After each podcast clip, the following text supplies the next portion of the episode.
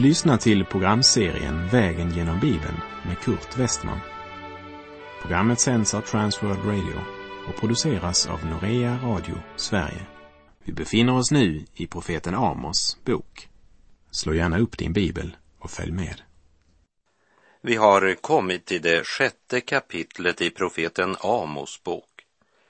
Och kapitlet inleds med ett verop som gäller både Sion och Samaria, det vill säga både Juda och Israel. Och veropet riktar sig framför allt till landets ledare, förnäma och inflytelserika, som inte insåg allvaret i att vara kallad att vara förebilder för sitt folk och goda exempel utan de använde istället sin maktposition till att utnyttja de fattiga, förtränga rätten och leva i lyx och njutning, medan andra led stornöd. V-ropet ljuder över Juda och Israel som en vind ifrån evighetens värld och kungör att Gud ska göra slut på den falska tryggheten och straffa synden. Och deras ansvar är så mycket större eftersom de tillhör det folk Gud utvalt och anförtrott barnaskapet och härligheten, förbunden och lagen, tempelgudstjänsten och löftena. Nu måste profeten påminna dem om detta ansvar vi läser profeten Amos kapitel 6, vers 1.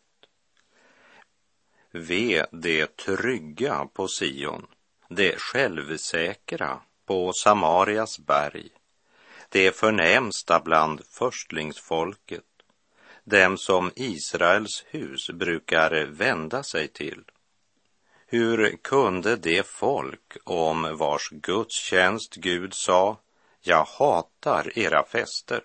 Jag föraktar dem. Jag tål inte era högtider. Och om deras sång och musik sa han, ta bort ifrån mig dina sångers buller. Ditt stränga spel vill jag inte höra. Och därefter hade Gud sagt, jag ska föra er i fångenskap bortom Damaskus. Hur kan det folk Gud säger det om känna sig trygga? och vara så självsäkra? Jo, därför att de drabbats av syndens villfarelse.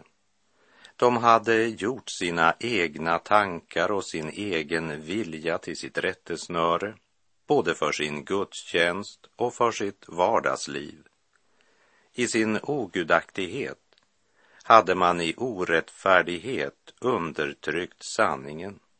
Synden hade förblindat deras sinnen så att de inte längre såg sina liv i Guds ljus. Och när lampan är släckt ser man inte dammet. Man var både trygga och självsäkra. V-ropet riktar sig framför allt mot det rika och ledande. Och Gud påminner dem om att det land de fått som arvedel var ett välsignat och bördigt område och ett stort område. Vi läser Amos 6, vers 2. Dra bort till Kalne och se, gå därifrån till Stora Hamat och far sedan ner till Filisteernas gat. Är det bättre än rikena här? Eller är deras område större än ert område? Gud påminner om den materiella och den andliga välsignelse han har gett sitt folk och som borde ha framkallat tacksamhet, glädje och hängivenhet till Gud.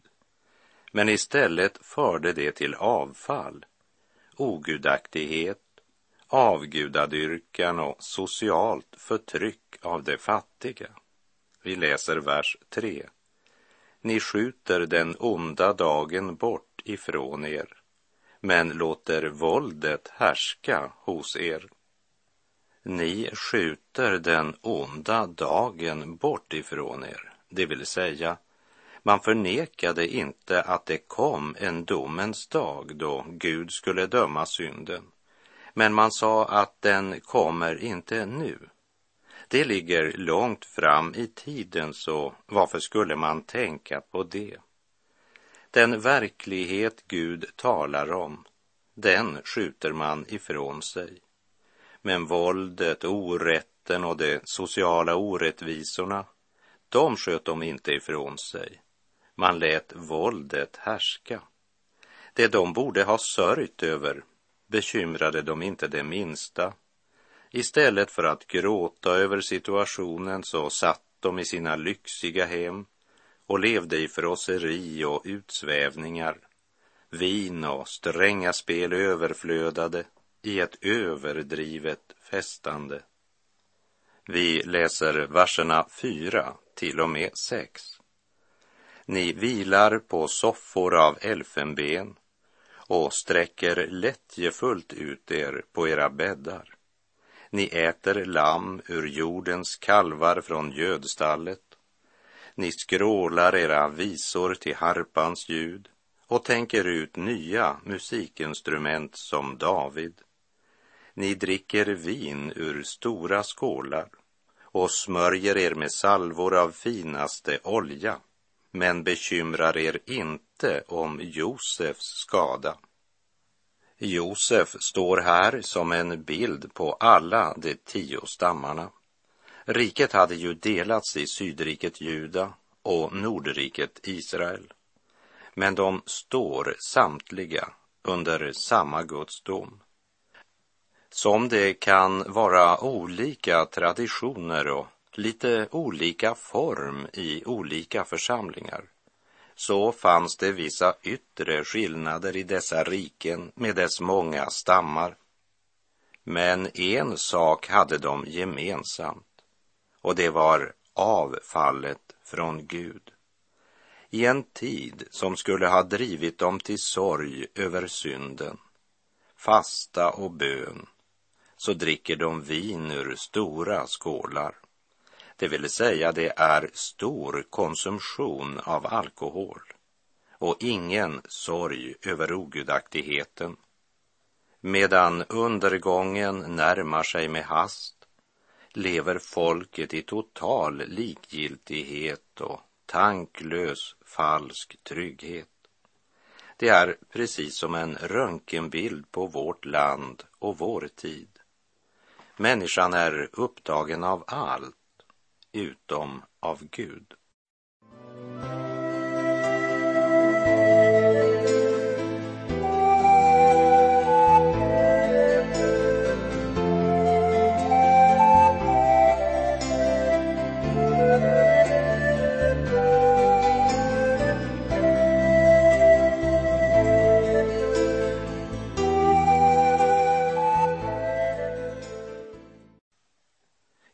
Sa att de lättjefullt sträckte ut sig på sina bäddar. Det vill säga ett normlöst sexualliv där egoistisk sexualitet, självisk njutning och stor alkoholkonsumtion präglade deras liv. Samtidigt som andra led under de mest fruktansvärda ekonomiska förhållanden men det tycktes inte bekymra dem. Men nu talar Gud om vad som blir konsekvensen av detta när han genom profeten Amos försöker varna dem för all denna orättfärdighet och omoral. Bedövade av alkoholen och berusade av sinnlighet inbillar sig folket i Juda och Israel att de kan känna sig trygga. Men när de minst väntat det kommer deras högljudda skrål att tystna. Ni skrålar era visor till harpors ljud. Ni dricker ur era stora skålar, ropade profeten och fortsätter i vers 7. Därför skall nu dessa, som det första, föras bort i fångenskap det blir slut med skrålet från dem som lättjefullt sträcker ut sig. Den falska tryggheten, självsäkerheten, lättjan, synden och omoralen förde nationen mot stupet. Nu ljuder profetens därför över detta folk. Och så förkunnar han att det första som ska föras bort är just dessa trygga och självsäkra. Skrålet från deras fester ska tystna. Profeten Amos kan inte förstå att det folk som står inför detta framtidsperspektiv kan känna sig så trygga. Det som är deras stolthet är i Guds ögon avskyvärt. Vi läser profeten Amos kapitel 6, vers 8. Herren, Herren har svurit vid sig själv, säger Herren, härskarornas Gud. Jag avskyr Jakobs stolthet och hatar hans palats. Jag ska utlämna staden med allt som finns i den. Deras palats var korruptionens och omoralens högborgar. Här samlade man vad man plundrade från de fattiga. Här levde man i utsvävningar och överdrivet festande. Att man levde i strid med Herrens heliga vilja, ja, det blev helt bagatelliserat. Men nu har det nått till den punkt då Herren proklamerar att han har svurit vid sig själv att han ska utelämna staden och allt som finns i den. Vi läser verserna 9 och 10. Och det skall ske att om en tio män lämnas kvar i samma hus skall de alla dö. När en släkting med likbrännarens hjälp vill föra benen ut ur huset och ropar till den som är inne i huset. Finns här någon mer inne i huset? Och denne svarar ingen. Så skall han säga, tyst, Herrens namn får inte nämnas. Det fruktansvärda som väntar beskrivs klart och tydligt. Det handlar om en total katastrof som skildras med en oerhörd realism. Tio män i ett hus pekar uppenbart på någon av stormännens residens, makthavarnas och de rikas hus. Hos judarna var begravningsskicken djupt rotad Därför är det svårt för oss att föreställa oss vad det ville säga att få höra att de inte bara skulle dö, men liken skulle måtta brännas, helt i strid med rådande skick och bruk. Som du minns från Amos kapitel 2, vers 1, så straffade Gud Moab därför att de hade förbränt benen på Edoms kung. Därför är det en skakande upplysning för Israels folk att höra om likbrännaren. Orden tyst, Herrens namn får inte nämnas, säger oss att det folk som förr bagatelliserat Guds vilja och levt efter sin egen vilja och lust ska nu känna en sådan fruktan för Gud att de ska inte ens våga nämna hans namn. Det är värt att tänka över i en tid då många människor missbrukar Guds namn bara för att en gryta kokar över. Men tänk vilken tragedi det ligger i dessa ord. Det folk som Gud hade utvalt och som hade barnaskapet, härligheten, förbunden och lagen, tempelgudstjänsten och löftena och som en gång hade haft sin glädje i Gud, de ska nu endast känna rädsla inför honom. Förtröstan på Gud har ersatts med rädsla, ja faktiskt skräck. Under lång tid har man använt Guds namn utan att Gud hade någon plats i deras hjärtan. Och nu kan man plötsligt inte nämna Guds namn. Vi läser vers 11. Ty se, på Herrens befallning skall de stora husen slås i stycken och det lilla huset i spillror. Syndens straff drabbar nu nationen från den störste till den minste. Men innan det sker är man både trygg och självsäker. Denna falska trygghet har skapats genom den förvrängda bild som Israels ledare hade skapat av lag och rätt och rättfärdighet. De hade utnyttjat de fattiga. Vad trodde de att de skulle uppnå med det? Det är normer som skulle ha skapat trygghet för de fattiga, sjuka och svaga hade i praktiken gjorts om till legaliserad korruption och undertryckelse. Och det som har skett, det är så otänkbart att profeten måste illustrera deras gudsfrånvända tankegång med några frågeställningar från naturens värld. Vi läser Amos kapitel 6, vers 12. Inte springer hästar över klippor, eller plöjer man där med oxar. Men ni har förvandlat rätten till gift och rättfärdighetens frukt till malört. Ingen av dem skulle ens tänka på att försöka få hästen att springa över klippor. Långt mindre plöja med en oxe på klipporna. Eller skulle rätten och rättfärdigheten från Gud göras om till mördande gift i samhället? Ändå är det just detta otroliga, ja orimliga, som har hänt i Israel. Men hur onaturligt det än är i Guds ögon så tycker de själva att allt är så bra. De gläder sig och de firar, festar och njuter.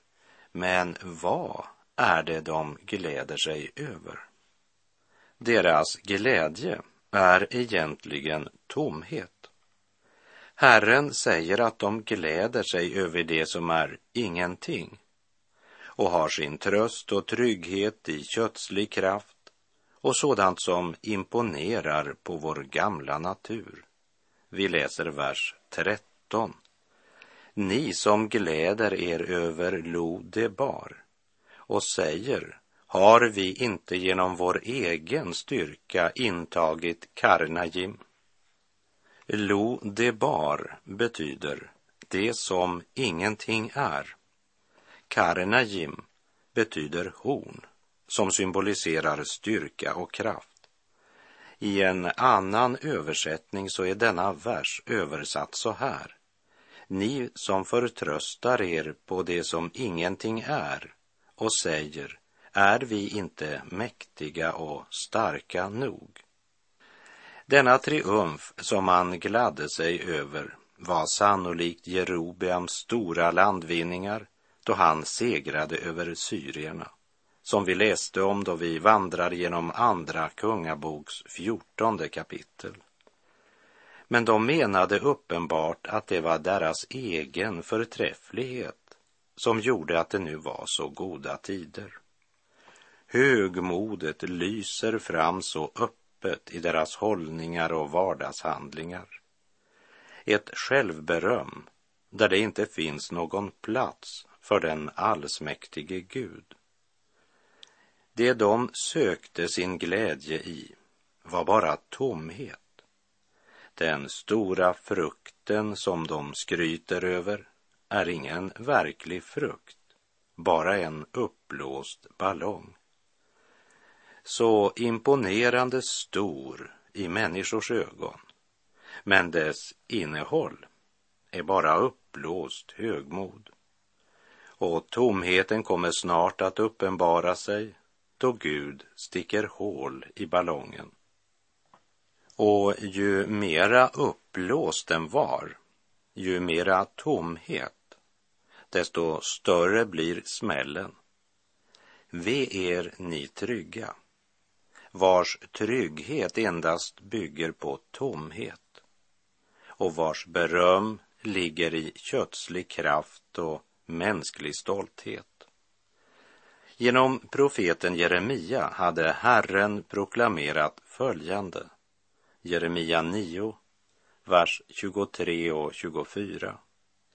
Så säger Herren, den vise ska inte berömma sig av sin vishet, den starke inte av sin styrka och den rike inte av sin rikedom.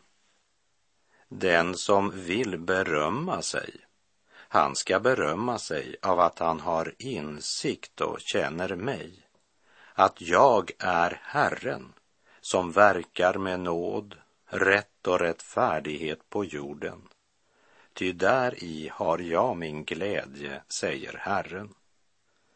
I Första Korinterbrevets första kapitel, verserna 26 till och med 31 så står det Bröder, se på er egen kallelse. Inte många av er var visa om man ser till det yttre. Inte många var mäktiga, inte många av förnäm släkt. Nej, det som för världen var dåraktigt har Gud utvalt för att låta det visa stå där med skam. Och det som för världen var svagt har Gud utvalt för att låta det starka stå där med skam. Och det som för världen var oansenligt och föraktat, ja, det som inte var till, har Gud utvalt för att göra till intet det som var till, för att ingen människa ska berömma sig inför Gud. Honom har ni att tacka för att ni är i Kristus Jesus, som Gud för oss har gjort i vishet, rättfärdighet, helgelse och återlösning, för att det ska ske som står skrivet. Den som berömmer sig skall berömma sig av Herren. Medan Israel på Amos tid förtröstade på det som ingenting är och sa, har vi inte genom vår egen styrka blivit mäktiga nog.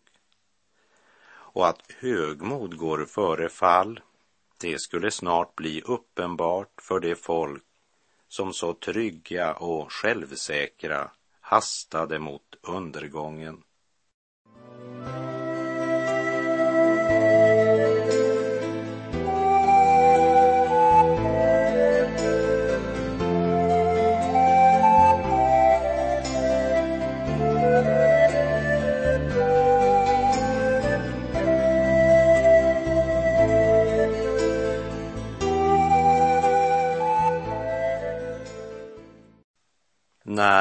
Herren tog bort sitt beskydd blev ballongen tom i ett ögonblick. Och det behövdes något mer än en sprucken ballong för att möta den mäktiga fiende som nu angrep. Ingenting är så farligt som att söka sin glädje i det som i Guds ögon bara är tomhet och att ha sin stolthet i sådant som ingenting är värt när dödens ängel klappar på vår dörr. Stackars alla människor som låtit sig förblindas av denna tidsålders Gud och som inte kan se ljuset som strålar ut från den uppståndne Kristus och som lever och dör i en falsk tröst. Så var det med mågarna till Lot. De hade sitt liv, sin lust och sitt hjärta i Sodom. Och de trodde att Guds varning när han proklamerade att nu skulle syndens straff drabba Sodom, det trodde de var ett skämt. I Första Mosebok 19, vers 14 står det. Då gick Lot ut och talade med sina svärsöner, det som skulle få hans döttrar, och han sade, bryt upp och lämna den här platsen, för Herren tänker fördärva staden. Men hans svärsöner trodde att han skämtade. Men du som läst vad Gud uppenbarar genom Första Mosebok du vet att på dessa som trodde att Lot bara skämtade, på dem väntade en otrolig överraskning. Men eh, då var det för sent. Kära vän som lyssnar. Du lever väl inte på en falsk trygghet? Det är väl inte i världens tomhet du söker din lycka? När den helige Gud talar om att synden drabbas av Guds vrede så är det inget skämt. Jag hoppas att du upptäcker det innan det blir för sent för dig. För himmel och jord skall brinna, höjder och berg försvinna.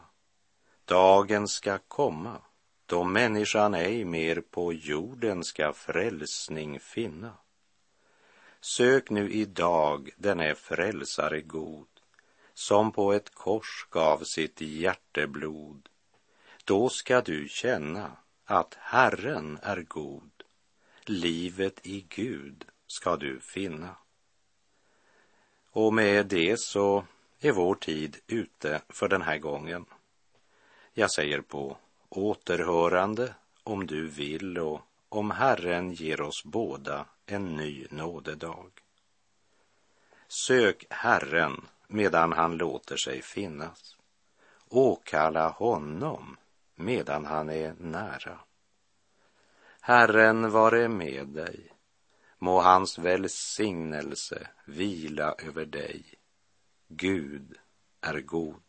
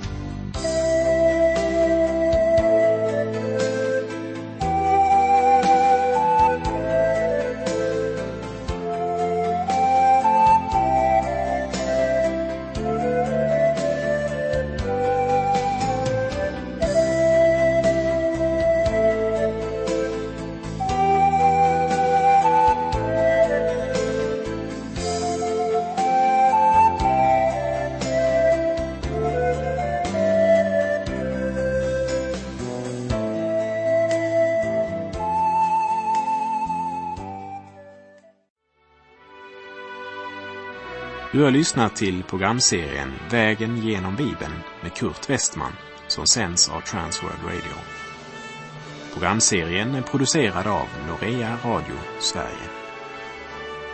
Om du önskar mer information om vårt radiomissionsarbete så skriv till Norea Radio Sverige, box 3419 103 68 Stockholm.